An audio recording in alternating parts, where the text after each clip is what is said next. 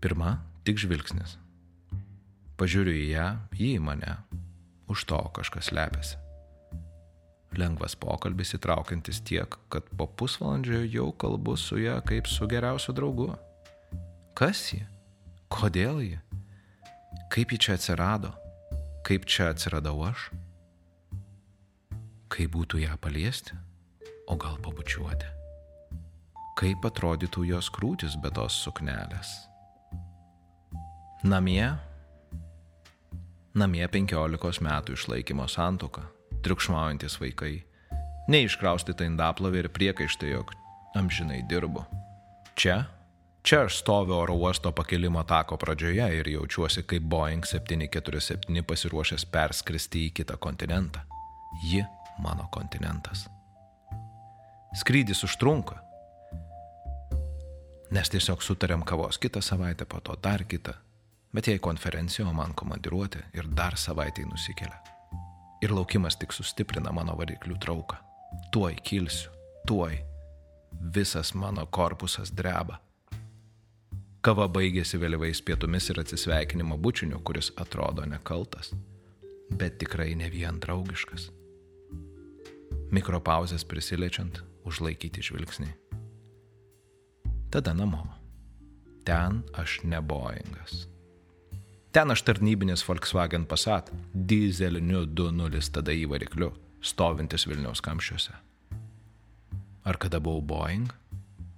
Ar skritau per Atlantą, o gal ramų į vandenyną? Mano viduriai susijaukia. Aš jaučiuosi blogas, kartu noriu jaustis gerai. Kaip jos krūtys atrodytų mano rankose? Kita kartą vien kavos jau nebeužtenka. Mū abiem reikia vietos saugiai bučiuotis. Ką aš darau, ką? Jos rankos apsivėja mano kaklą netikėtai, mes požeminėme parkinge. Visiškai to neplanavau. Bet mūsų liežuviai susipina tarsi ieškodami būdų sujungti kūnus. Pakilimo tokia Boeing jau pasiekė ribą, kai sustoti nebeįmanoma. Galima tik kilti ir skristi. Kiek toli, aš nežinau. Žiūrėdamas į save viešbučio veidrodyje tyliai sušnapždu, aš neištikimas. Aš neištikimas. Ir tai jau yra tiesa.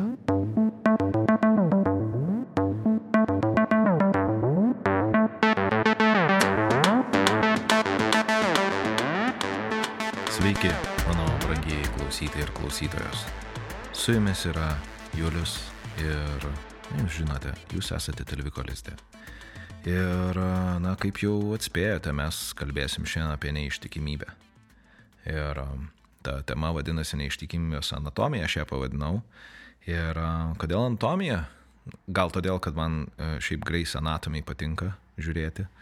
Um, tai čia turbūt aluzijos kažkokios į tai, kad aš čia labai anatomiškai e, bandau išpreparuoti neištikimybę, kas tai yra, su kuo tai kaip tai vyksta ir kokie yra gal vaistai ar nežinau kažkokios intervencijos, bet iš esmės, na, aš noriu pakalbėti apie neištikimybę, nes tai yra labai labai šiaip tai, na, plati tema.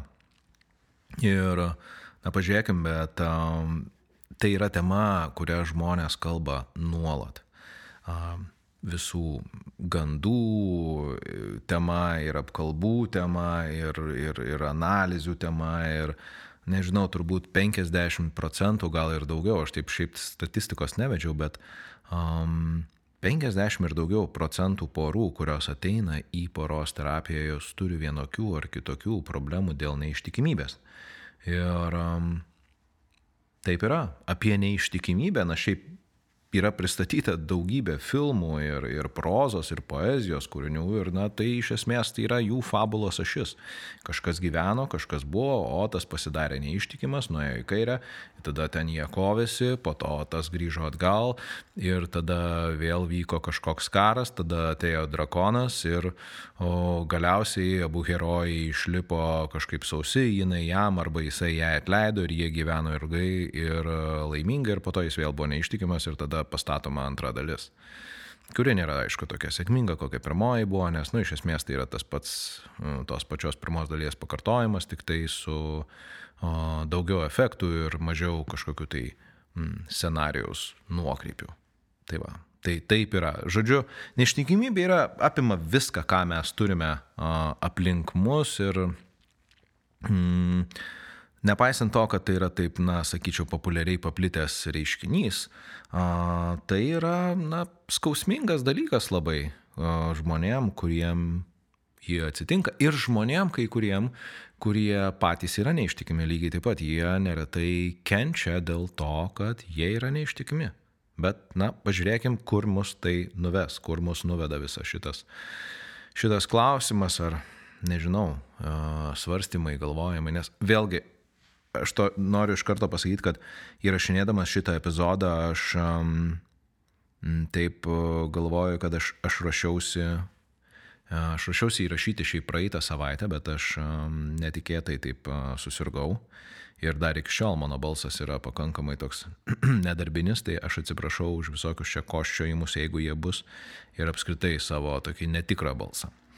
Ir atsiprašau, aišku, kad epizodo praeitą savaitę nebuvo, bet aš realiai taip ir prakalbėti į mikrofoną visiškai negalėjau normaliai. Tai va, tai grįžtant atgal, prie to mano neužbaigtumo jausmo, tai aš manau, kad, kad ir kaip aš čia dėliočiau viską, aš nemanau, kad aš išsemsiu šitą temą šitam epizodė ir um, brangiai klausytojai mano, tai jeigu jum dar kils klausimų ir bus kažkokių tai idėjų, dar kas čia nepasakyta ir kaip nepasakyta, arba galima kažkokią tai temą plačiau paplėtoti, tai Na, iš tikrųjų, jūs rašykit, kalbėkit ir, ir beje, kada aš uždaviau klausimą ruoždamasi šitam epizodui, tai tikrai sulaukiau nemažai, nemažai na, tokių paklausimų ir istorijų netgi, kuriomis, kai, kurių, kai kuriomis aš pasidalinsiu čia.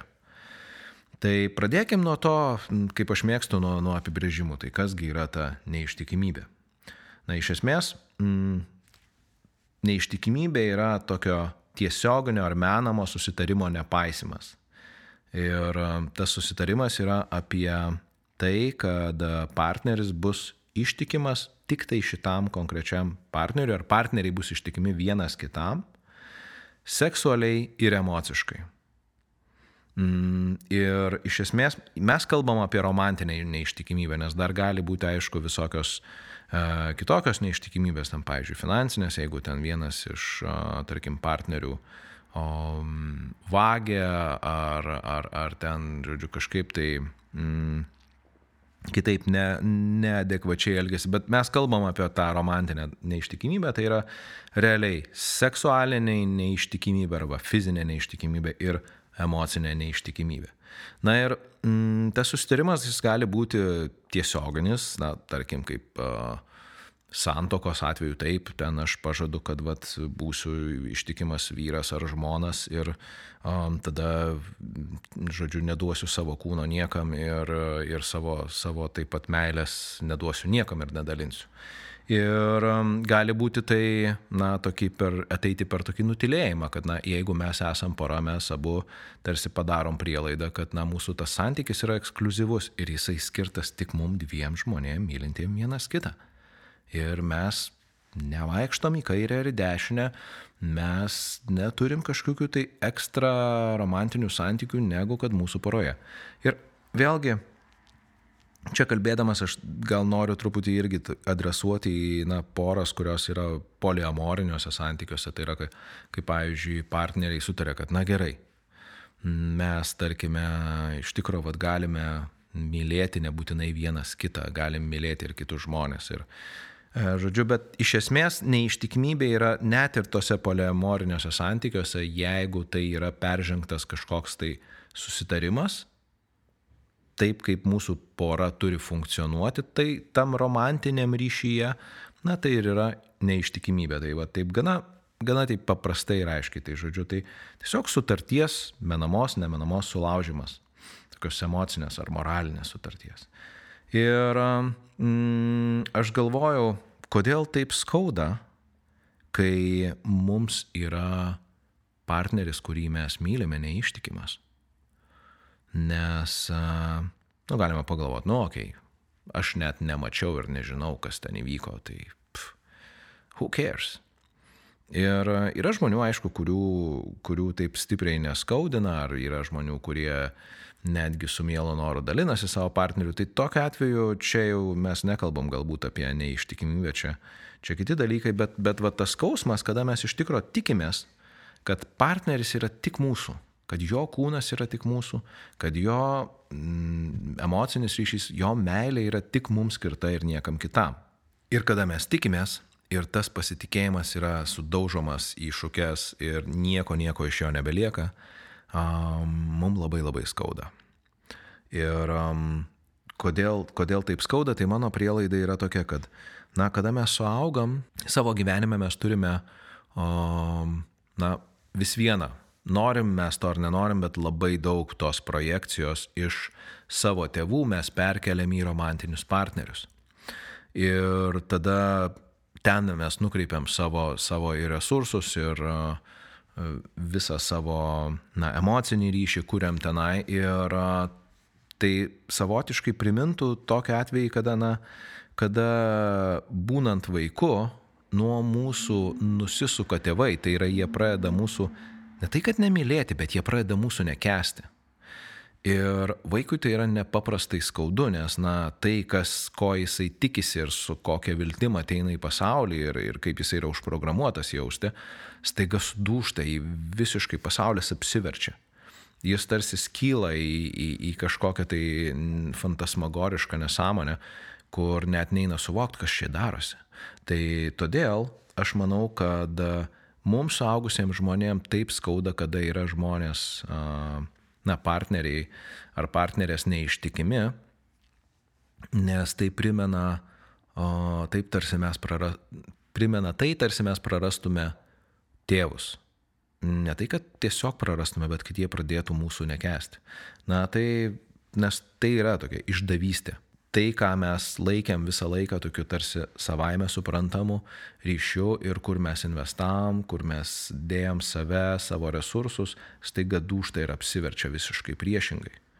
Tai supranti, kad reiškia tavo partneris daro priešingai, elgesi priešingai.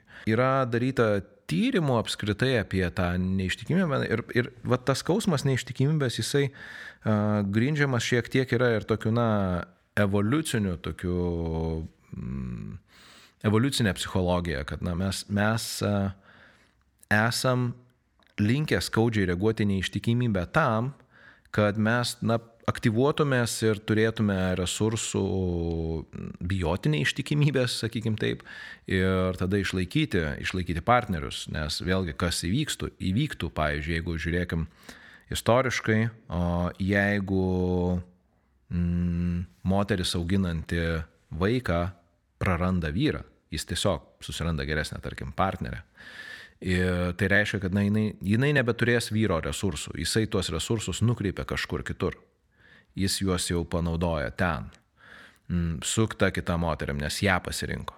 Tuomet yra, tarkim, vyrui, kuris, kuris tikisi savo genetinę medžiagą perduoti į priekį ateities kartom, tai nu, faktas, kad jeigu jo moteris uh, yra su kitais vyrais, tai tikimybė, kad jo genetinė medžiaga pasieks ateitį yra mažesnė ženkliai ir dėl to e, vyrai ir moteris reaguoja. Ir beje, yra darytas tyrimas, kad iš tikro vyrams neištikimybė fizinė ar na, ta seksualinė neištikimybė yra skaudesnė negu moterim, o moterim priešingai.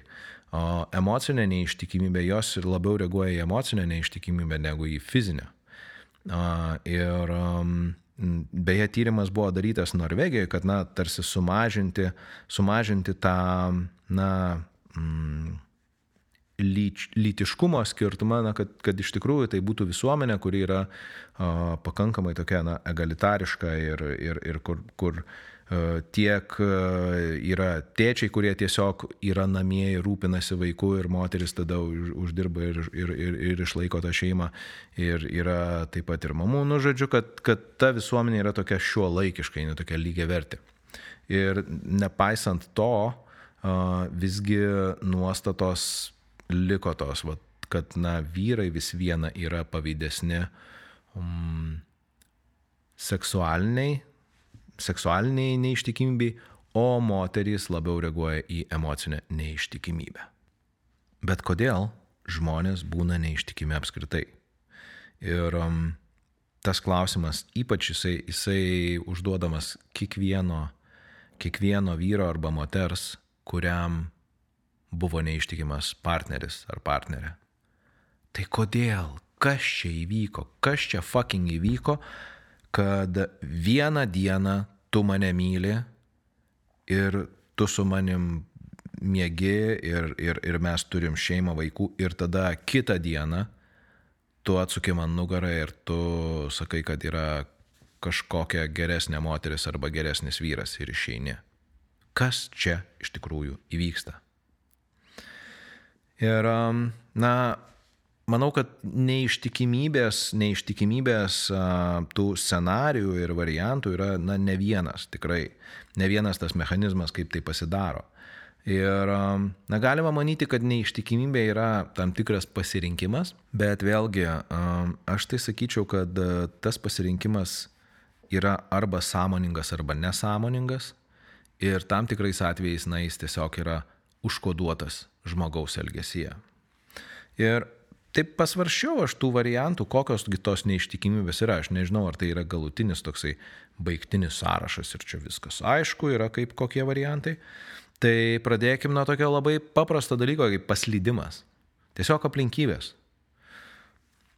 Mm, įmonės vakarėlis, girta galva, patraukli kolegė, tinkamos aplinkybės,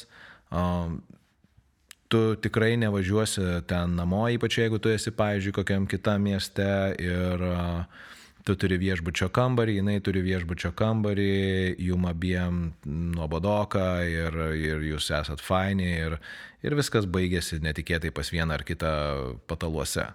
Tai yra tiesiog, nu, toks paslydimas. Ne, nebuvo tai nei planuota, nei galvota, nei, nei tikėtasi, kad čia tai bus. Ir, na, tada tiesiog tai, pumt, atsitiko ir viskas. Būna. Tada yra, manau, kad tokia, na, sąmoninga neištikimybė, kada žmogus pasirenka, kad okei, okay, man trūksta, man trūksta gero seksualinio ryšio mano šeimoje. Ir aš tada ką renkuosi? Aš renkuosi vietoj to, kad spręšiau tą problemą kažkaip savo šeimos viduje. Aš tada einu ir susirandu, kur aš tą gaunu ir, ir tarsi tokį man įjungia tarsi tokį kompensavimo mechanizmą, kad jeigu aš to negaliu gauti savo šeimoje, tai okay, gerai, aš einu kažkur kitur. Na ir tada aišku, sa, jeigu tai yra tokia na, sąmoninga neištikimybė, Tai tuo atveju, aišku, ten tas ryšys yra slepiamas ir ten visi galai į vandenį ir, ir aišku, ten, nežinau, trinamos žinutės, slaptai susitikinėjama ir ten visa, visa vyksta, įsijungia visa konspiracinė sistema. Ir, na, tada yra, tada yra tokia, sakyčiau, tikslinė neištikimybė. Ir tikslinė neištikimybė, kuo jinai skiriasi nuo, nuo sąmoningos tokios, tai tikslinė neištikimybė yra neištikimybė su tikslu, pavyzdžiui, paveikti partnerį savo. Aha, tai va, aš noriu kažkaip tai tau parodyti, kad man skauda, tai gerai, vietoj to, kad mes kalbėtumės, aš susirasiu, va, mylužį. Ir, va, žiūrėk, va, pa, pažiūrėk, va, kaip man yra blogai tu nematai, tu negirdi, tu galbūt va, tau reikia tokio štai sukretimo, kad tu pamatytum, kad manie buvo kitas vyras ir suprastum, kad nu va, dabar jau tu kažką tai su tuo daryk. Ir čia daž, dažniau tai būna su, su moterimis, nes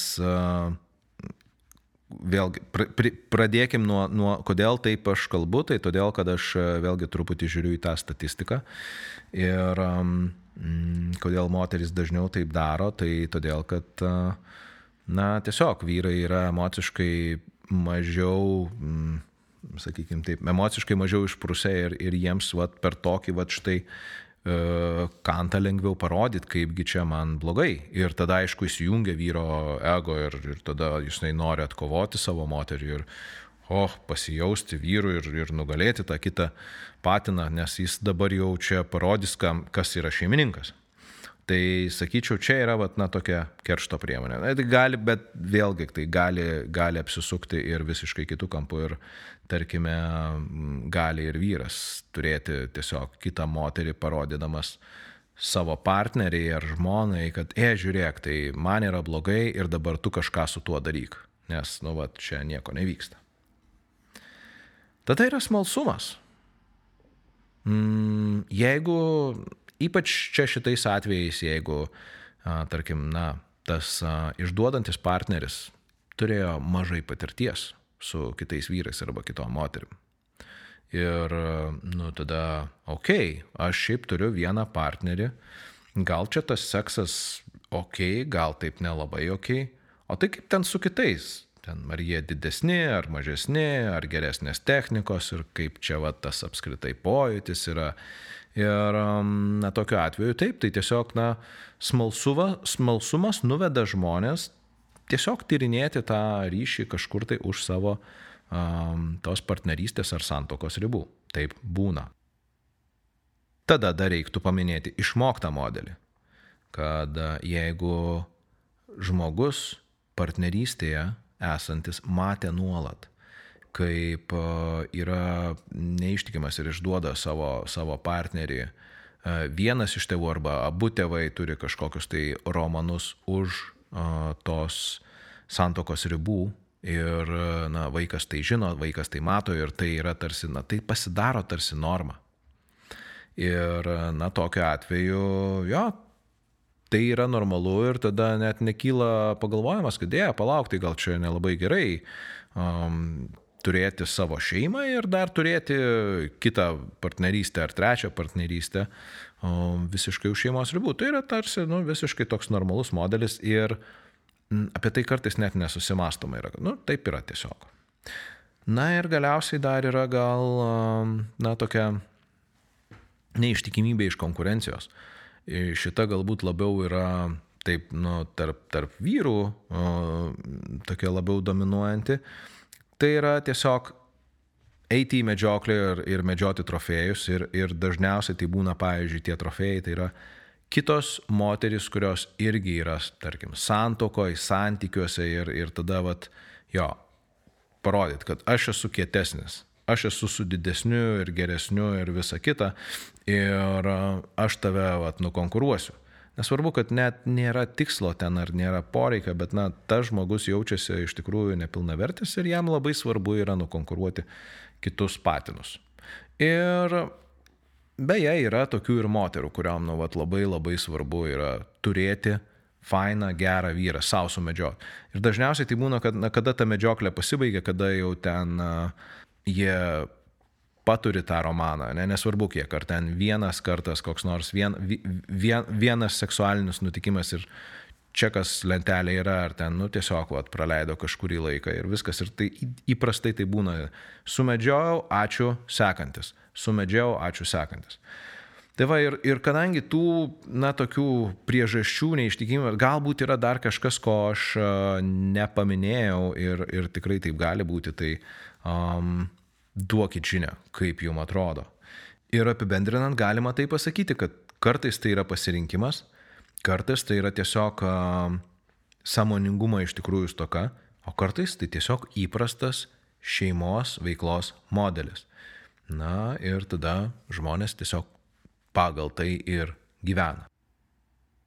Na ir kalbant apie neištikimybę, apskritai kaip reiškinį, mes kaip visuomenė jį adaptuojam vis labiau ir labiau. Na, galima sakyti, neištikimybė populiarėja. Mes, kai išgirstam, kad o kažkus, kažkas kažkur nuėjo į kairę, jau nebesistebim taip ir taip tarsi tampa tai normalu. E, nepaisant to, mums tai lygiai taip pat skauda skauda kaip prieš 50, prieš 100 ar prieš 300 metų ar nežinau, 1000 metų prieš Kristų. Tai, bet kodėl, kodėl ta, ta, ta neištikimybė, tarkim, populiarėja? Tai mano pirma prielaida tai yra tai, kad na, moteris iš esmės šiandien nėra priklausomas nuo vyrų. Beveik. Lyginant su 50 metų atgal. Mm, tiesiog tai situacija iš esmės pasikeitė ir dėl to jom atsivėrė, na, tarsi ištisi vartai turėti naujų galimybių ir, ir partnerystės fronte. Tai reiškia, kad moteris gali rinktis partnerius, jos nebepriklauso nuo vyro, jos gali pasakyti, okei, okay, aš galiu turėti kitą vyrą, ar paturėti meilužį ir tada turėti kitą vyrą, arba aš galiu tiesiog turėti meilužį ir turėti vyrą vienu metu. Tai ir man niekas negresia, nes aš dabar jau išlaikau šeimą, o tu vad sėdi namie ir, ir, ir ten nežinau. Truputėlį kažką padarai, bet iš esmės aš esu motina maitintoja mūsų šeimos. Ir kadangi tai atsiveria, atsiveria šitą galimybę, nu, tai, tai iš esmės dėl sulygio, sulygėjusios visuomenės. Ir nesakau, kad uh, tos teisės yra visiškai lygios iki šiol, vis dar aišku yra, na, ta lyčių atskirtis. Ir um, mes, aišku, daug labai, aš manau, kad uh, visuomenė yra padarius, kad ta, ta lyčių atskirtis sumažėtų. Bet vis dėlto ja, tas yra. Tai aš manau, kad viena, viena iš tų priežasčių ir kas beje pasistebi tyrimuose, kad kuo yra vyresnė imtis, tuo didesnė atskirtis tarp vyrų ir moterų. Tai yra vyrai labiau linkę būti neištikimi negu moteris. Ir kuo grįžtant atgal, m, mm, tarkim, į 20 metų respondentus m, mm, tyrimė, tai e, ten netgi moteris truputėlį pirmauja negu vyrai. Tai, tai parodo, kad iš esmės kuo jaunesni žmonės, tuo jie labiau emancipuoti ir tuo lygiai verčiau mato pasaulį ir, ir tuo vienodžiau mato tas galimybės. E, kitas aspektas yra seksas ir seksualumas nebėra tabu.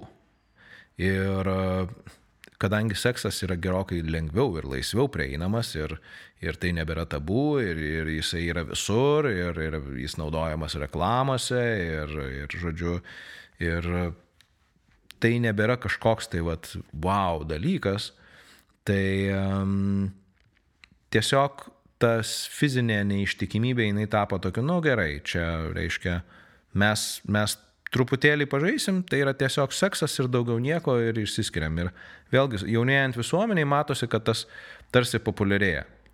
Mm, nepaisant to, aš tikrai sakau, kad tam geram, sveikam, normaliam santykiui vien sekso neužtenka, kad tikrai būtinas emocinis ryšys ir vertybinis ryšys, bet kadangi seksas tapo prieinamas lengvai, tai visi nebe taip žiūri į tą fizinę neištikimybę taip sunkiai galbūt. Ir kartu su tuo greito prieimo tokiu seksu, kaip pavyzdžiui, jo, koks Tinderis ar, ar, ar kažkas panašaus, mes pradėjom gyventi iš tikrųjų tokio greito apdovanojimo kultūroje. Aš užsimanau ir aš turiu man reikia naujo televizoriaus, tai aš tiesiog paspaudžiu telefone, išsirenku, paspaudžiu ir man kitą dieną atveža į namus. Ir man netgi mokėti iš karto nereikia. Aš galiu sumokėti kad nors vėliau. Ir aš pamačiau fainą paną, paspaudžiau, susirašėm, tin, tin, tin ir viskas jau ir aš ją turiu. Ir, na, lygiai taip pat veikia ir, ir, ir, ir moterų atžvilgių. Žodžiu, kad, na, iš esmės yra dalis žmonių, kurie, na, toj tokio greito vartojimo kultūroje gyvena ir jiem tinka tai ir, ir visa tai yra ok. Tai, aišku, tai skatina tokius trumpalaikius ir tokius greitus nuotykius. Na ir Visą tai apibendrinus taip, na, neištikimybė nebėra toks pat e, prakeiksmas, kaip kad būdavo anksčiau, bet e, taip, iš tikrųjų, na, jinai skaudina žmonės ir toliau. Tai ką daryti, kad neištikimybė neištiktų? Dirbti. Dirbti ties santykiais sunkiai, kiekvieną dieną. Mm, Atsijimus sunkiai. Dirbti tiesiog. Nes sunkiai nereikia ties santykiais dirbti, reikia nuoširdžiai dirbti.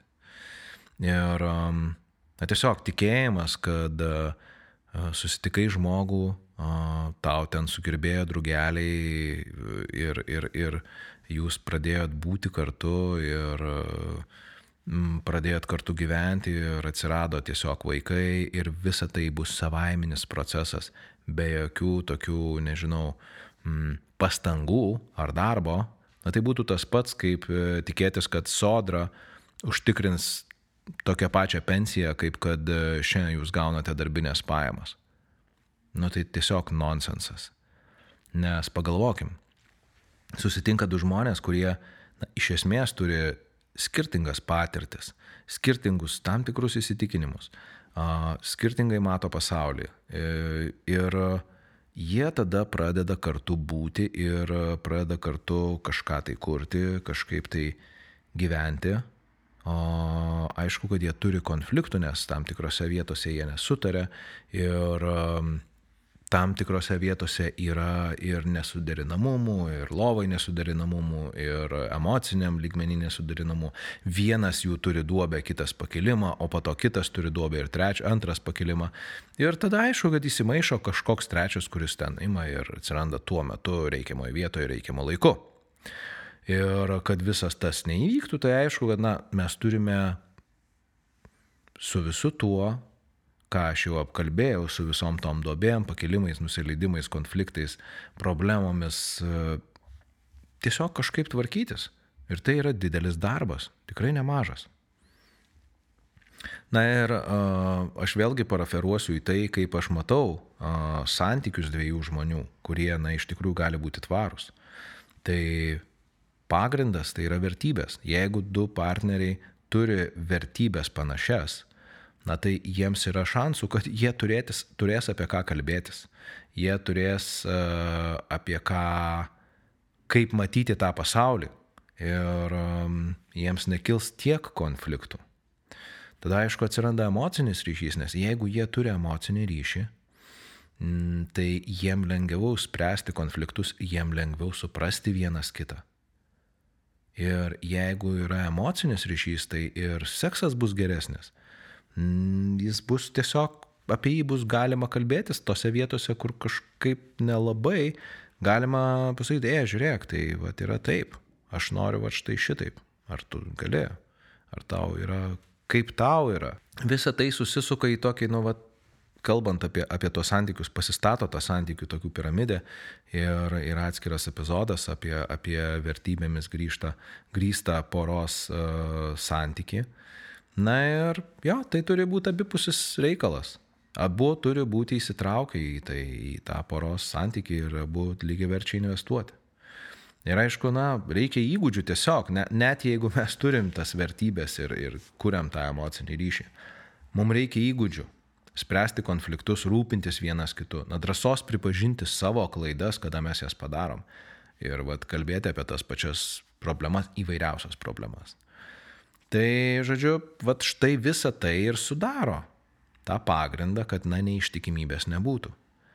Kad pažiūrėkim taip labai labai, e, sakyčiau, m, iš tokios grinai racionalios perspektyvos. Ir nuimant bet kokį romantinį šydą, kad, o, taigi jeigu myli, tai ta ta ta. Jeigu pažiūrim labai racionaliai, tai tiesiog neištikimybė būtų prastesnis sandoris negu kad tavo partnerystė. Ir jeigu iš tikrųjų taip yra, tai mes užkirtam didžiąją dalį dalykų neištikimybei. Ir aišku, tuo metu, na, toje poroje dalyvauja abu žmonės, kurie ir kuria tą santyki. Ir kurdami tą santyki, nu jie stato savo, savo pasaulį, savo dviejų pasaulį, kuriame a, trečiųjų žmonių nebereikia, nes, nes jis yra pakankamai geras.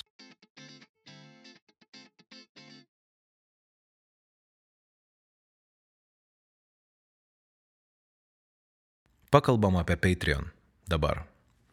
Mm, aš būsiu labai dėkingas, jeigu jūs tiesiog prisidėsite tiek, kiek galite prie podkasto, kad jisai vyktų, kad e, jis vyktų kokybiškai, kad e, jis būtų toks pat geras kaip ir iki šiol.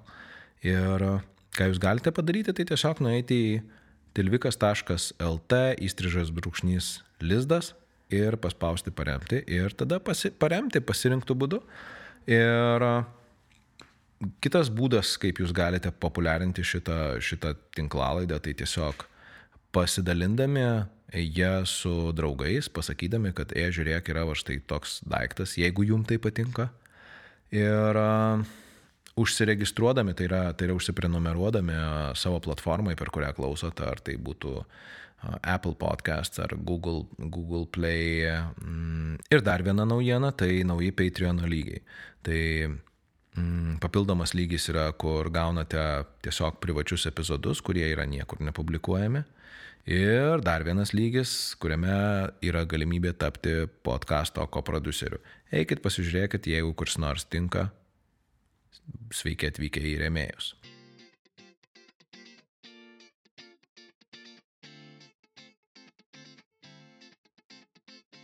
O dabar noriu truputį pažiūrėti į tai, ką žmonės klausia ir ką jie komentuoja apie tai, kas yra neištikimybė. Pirmas klausimas, kurį, kurio aš sulaukiau, tai yra toksai.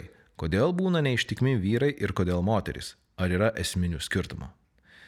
Tai kaip aš jau minėjau, visa tai priklauso nuo amžiaus.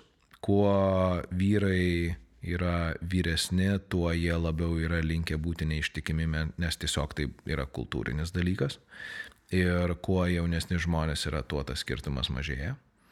Ir vyrai yra labiau linkę būti neištikimi fiziškai, o moteris yra labiau linkę būti neištikimos emociškai. Ir lygiai taip pat vyrai jautriau reaguoja į fizinę neištikimybę, o moteris jautriau reaguoja į emocinę neištikimybę. Štai yra tokie skirtumai. Kitas klausimas yra, ar verta duoti antrą šansą neištikimam partneriui ar partneriai.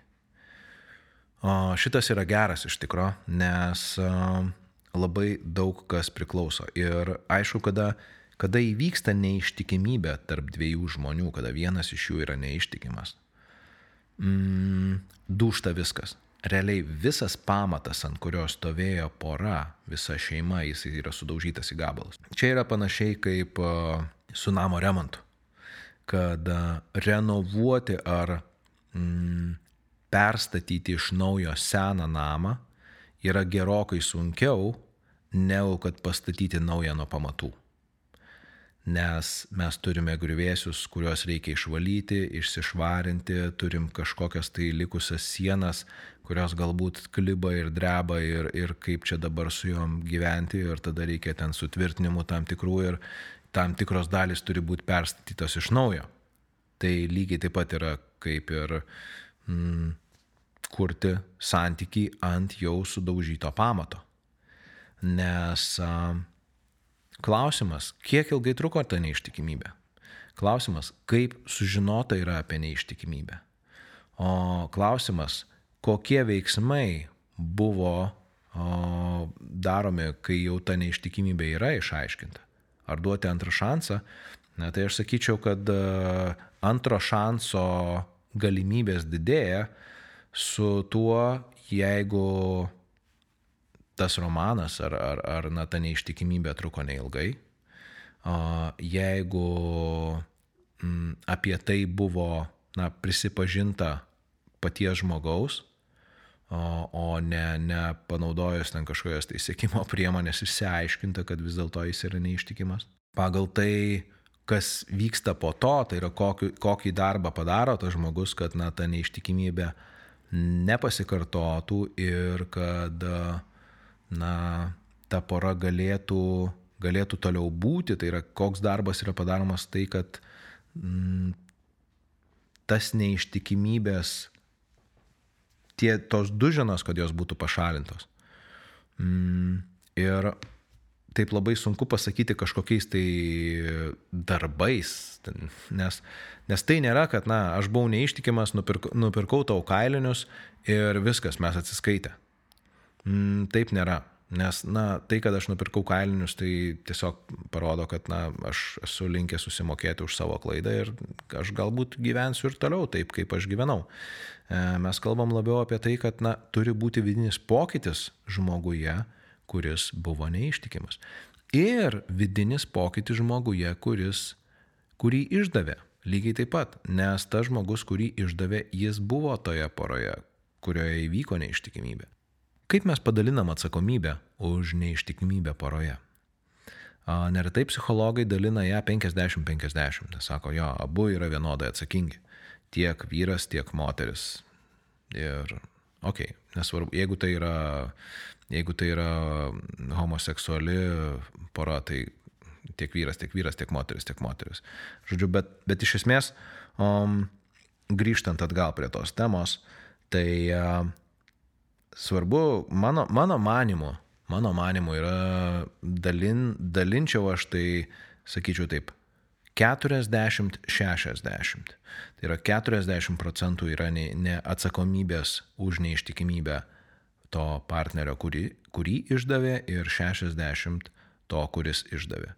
Nes jie abu poroje, kuri vis tiek nefunkcionavo normaliai, tai poroje mes dalinamės tą santykius tuos, na, po lygiai. Ir tada, jeigu žiūrint konkrečiai neištikimybės atveju, tai vis viena vienas padarė žingsnį. Sąmoningą, pusiau sąmoningą, nesąmoningą, bet jis padarė tą žingsnį. Tai reiškia, kad jis atsakomybės turi daugiau. Bet kitas partneris, aišku, jis yra poroje, jis dalyvauja. Net jeigu jis nieko nežino, tai greičiausiai buvo ta, na, poroj kažkokios tai problemos, apie kurias galbūt nelabai įtariama, gal įtariama, bet vis tiek jis yra, jis prisidėjo, nes jis tiesiog yra toje poroje. Tai todėl, todėl manau, kad teisinga būtų dalinti, na, 40-60 tokiu štai santykių. Kitas klausimas, į ką atkreipti dėmesį priimant vienokį ir kitokį sprendimą ir kuria linkme turi dirbti abu partneriai santykiuose lipdomuose po neištikimybės. Ar labiau abu, ar labiau tas kaltasis. E, na, kaip aš ką tik tai minėjau, neištikimybė yra abiejų reikalas. Todėl ir dirbti turi abu, ir dirbti yra tikrai su kuo. Nes yra kaltė, yra išdavystė, yra sudaužytas pasitikėjimas, yra romantiniai santykiai, yra seksas, kuris dabar jau nebebus toks, koks buvo anksčiau, Ir aišku, priežastis, kodėl tas turimas dabartinis romantinis santykis arba, arba dabartinė šeima, kodėl neveikia. Ir ar turi dirbti labiau abu, ar labiau tas kaltasis, um, priklauso šiaip. Bet uh, turbūt aišku, kad na, tas žmogus, kuris nusprendė išeiti už tos, už tos šeimos ribos, jisai kaip ir uh, daugiau tarsi atsakomybės neša, kaip jau minėjau. Tai mm, vėlgi čia yra labai labai sunku taip tiksliai pasakyti, kad, nu jo, gal va, tas kaltas, tas atsakingas yra, tai jis turi ir daugiau stengtis ir daugiau dirbti. Nesu tikras. Ne, labai labai priklauso nuo situacijos, bet faktas, kad dirbti abiem reikės daug. Dar vienas klausimas. Dėl psichologinių kompleksų, pavyzdžiui, Edipo Madonos kekšės pagal Kalūgino knygoje kompleksų samoralis pateikiama klasifikacija, kaip labai jie reikšmingi. Tarkim, skambiai deklaruojama neištikimybės ale priežastis, vyrui reikia sekso, moteris frigidiška, o kaip tuo atveju, jeigu moteris, moters irgi aukštas libido, o vyras vis tiek eina į kairę. Mm, kodėl gali būti, kodėl vyras gali tokiu atveju eiti į kairę? pagal priežastis. Nuobodulys lovoje, nepasitikėjimas savim, trofėjų medžioklė, romantinis ryšys. Na, neištikimybė yra gerokai sudėtingesnis procesas negu vien tik tai kažkokia viena paprasta priežastis. Na, neištikimybė yra gerokai sudėtingesnis procesas nei tiesiog jam trūksta sekso ir todėl jis eina į kairę, bet jeigu bus sekso, tai į kairę nebeis. Nebūtinai. Šiuo atveju tiesiog um, Reikia suprasti, kad neištikimybė yra kaip, nežinau, kaip, kaip medžio šaknis, kurios persipina per visą dirbožėmį, kaip koks, nežinau, kaip pikdžiolė kokia, jinai visose pusėse. Jūs pabandykit išnaikinti, nežinau, kokią nors e, žolę, varputį kažkokį, kuris auga, bujoja, jam paliekai mažą ten tarpeliais, vėl išaugo. E, tai, žodžiu, tai yra visa apimanti tokia sistema. Mm, ir dėl to yra taip sunku su tuo tvarkytis nes jinai persipina per visus gyvenimo aspektus. Ir, na, kaip vat, viena klausytoja mano labai labai teisingai pakomentavo apie neištikimybę. Uh, jinai uh, rašo, kad dabar, manau, neištikimybė yra daugelypis reiškinys ir jos paversti tik vertybių nesilaikymu, dogmatiška, netikra ir žmonėms nepadeda, sukelia tik kentėjimą. Uh, aš manau, kad geriau net ir neįmanoma būtų suformuoluoti. Iš tikrųjų, neištikimybė yra per daug sudėtinga, kad pasakyti, žiūrėk, tu tiesiog gausi sekso ir tada jau nebeisi į kairę. Nes už to gali slypėti ir daugiau dalykų. Ir tęsant klausytojų temą, noriu keletą pasidalinti laiškų. Esu buvusi abiejose pusėse neištikima ir man yra buvę neištikimas partneris. Kaip tai įvyksta? Mano nuomonė vienareikšmiška šiandien. Netenkinami poros narių poreikiai, apie tai nesikalbama arba kalbama, bet be rezultato. Poreikiai gal net neįsivardyjami savo ir tikima, kad su kitu žmogumi bus kitaip. Ir būna. Trumpai. Jei vėl ta pati schema kaip viršuje aprašytame santykyje. Dar įdomu, kad, pati buvau, kad kai pati buvau neištikima, skendau kaltėje, o kai sužinojau, jog partneris taip pat pabudo mano savininkiškumas ir dvigubi standartai. O tai kaip jis gali?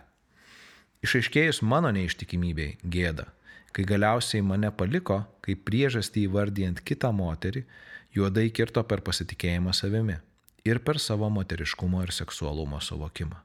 Žinoma, juodai pykau ant tos kitos, pakrikštijau ją kitą moterį Kai išpykau, supratau, ne ji ir ne ten problema, bet pyktį buvo lengviau nukreipti į ją, svetimą. Ir dar mano buvęs vyras sakė, man malonu, kad tavęs reikia kitiems, noriu dėl tavęs kovoti. Ačiū labai klausytai už šitą laišką, tikrai fainai gerai parodo, kaip ta neištikimybė atrodo žmogaus, kuris buvo ten ir yra, mm, buvo abiejose barikadų pusėse, sakykim taip. Ir einant į pabaigą noriu pasidalinti dar kitų laiškų. Su vyru esam kartu 16 metų. Susituokę 5. Vyras 11 metų už mane vyresnis, už dviejų mėnesių man 41. Nuo pat pirmų pažinties dienų labai norėjau visą gyvenimą praleisti su šiuo vyru. Jis mane pakerėjo vyriškumu, tikrumu, verslumu ir nemeluokim dovanomis kelionėmis. Ilgai laukiau, kol susituoksim per tą laiką ir vaiką bendrą pagimdėm, ir būstą įgyjom. Daug laiko atsitiko per tą laiką ir štai vieną dieną aš atsimerkiau ir supratau, kad šalia gulinčiam vyrui nejaučiu jokių šiltų jausmų, tik abejingumą ir nuovargį, nuo visų prabėgusių metų ir kovo už jo dėmesį. Staiga supratau beprotiškai pasielgusi švelnių žodžių, komplimentų, staigmenų, rūpinimosi, kavos į lovą, pasivaikščiojimo saulėtą rytą prie neries gulėjimo apsikabinus be sekso, kvailos romantikos. Ta pačią dieną užsiregistravau pažinčių portale ir ko tik aš neprisiskaičiau. Bet vienas laiškutis užkabino, susitikom. Jis jaunesnis už mane ketveriais metais, irgi vedęs, turi vaikų. Jau trys mėnesiai mes susitikinėjame, artimi santykiai tarp mūsų buvo tik du kartus. Bet iš jo gaunu tai, ko taip trūko. Drugeliai pilvenės krajoja ir ateities su juo tikrai nematau. Bet esu be galo dėkinga už kiekvieną rytą gaunamą žinutę, už visas akimirkas, kai tiesiog vaikštom susikabinę už rankų, kai apipila mane komplimentais nuo galvos iki kojų, tirpstu, kai išgirstu, jog mano akis gražiausios pasaulyje, santykiai su vyru dabar tiesiog egzistuoja. Kažin ar jis nujaučia? Manau, kad taip, nes aš nebešliaužiu per gyvenimą, aš skraidau.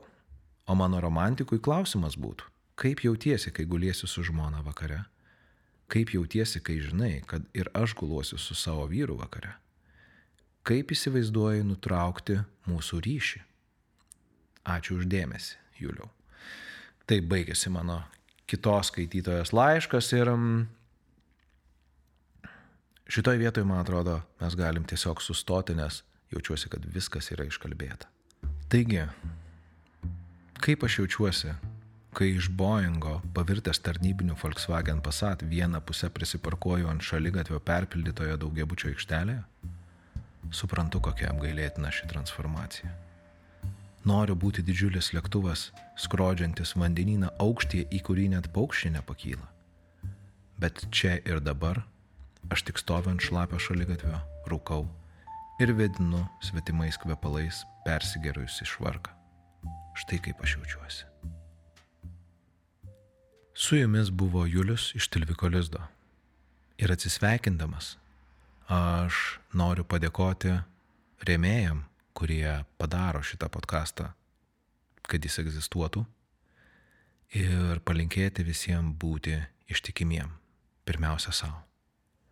Ir kai būsim ištikimi savo, mes tada galėsime būti labiau ištikimi tiem žmonėm, kuriuos mylime ir kurie mums rūpi. Viso gero, brangiai.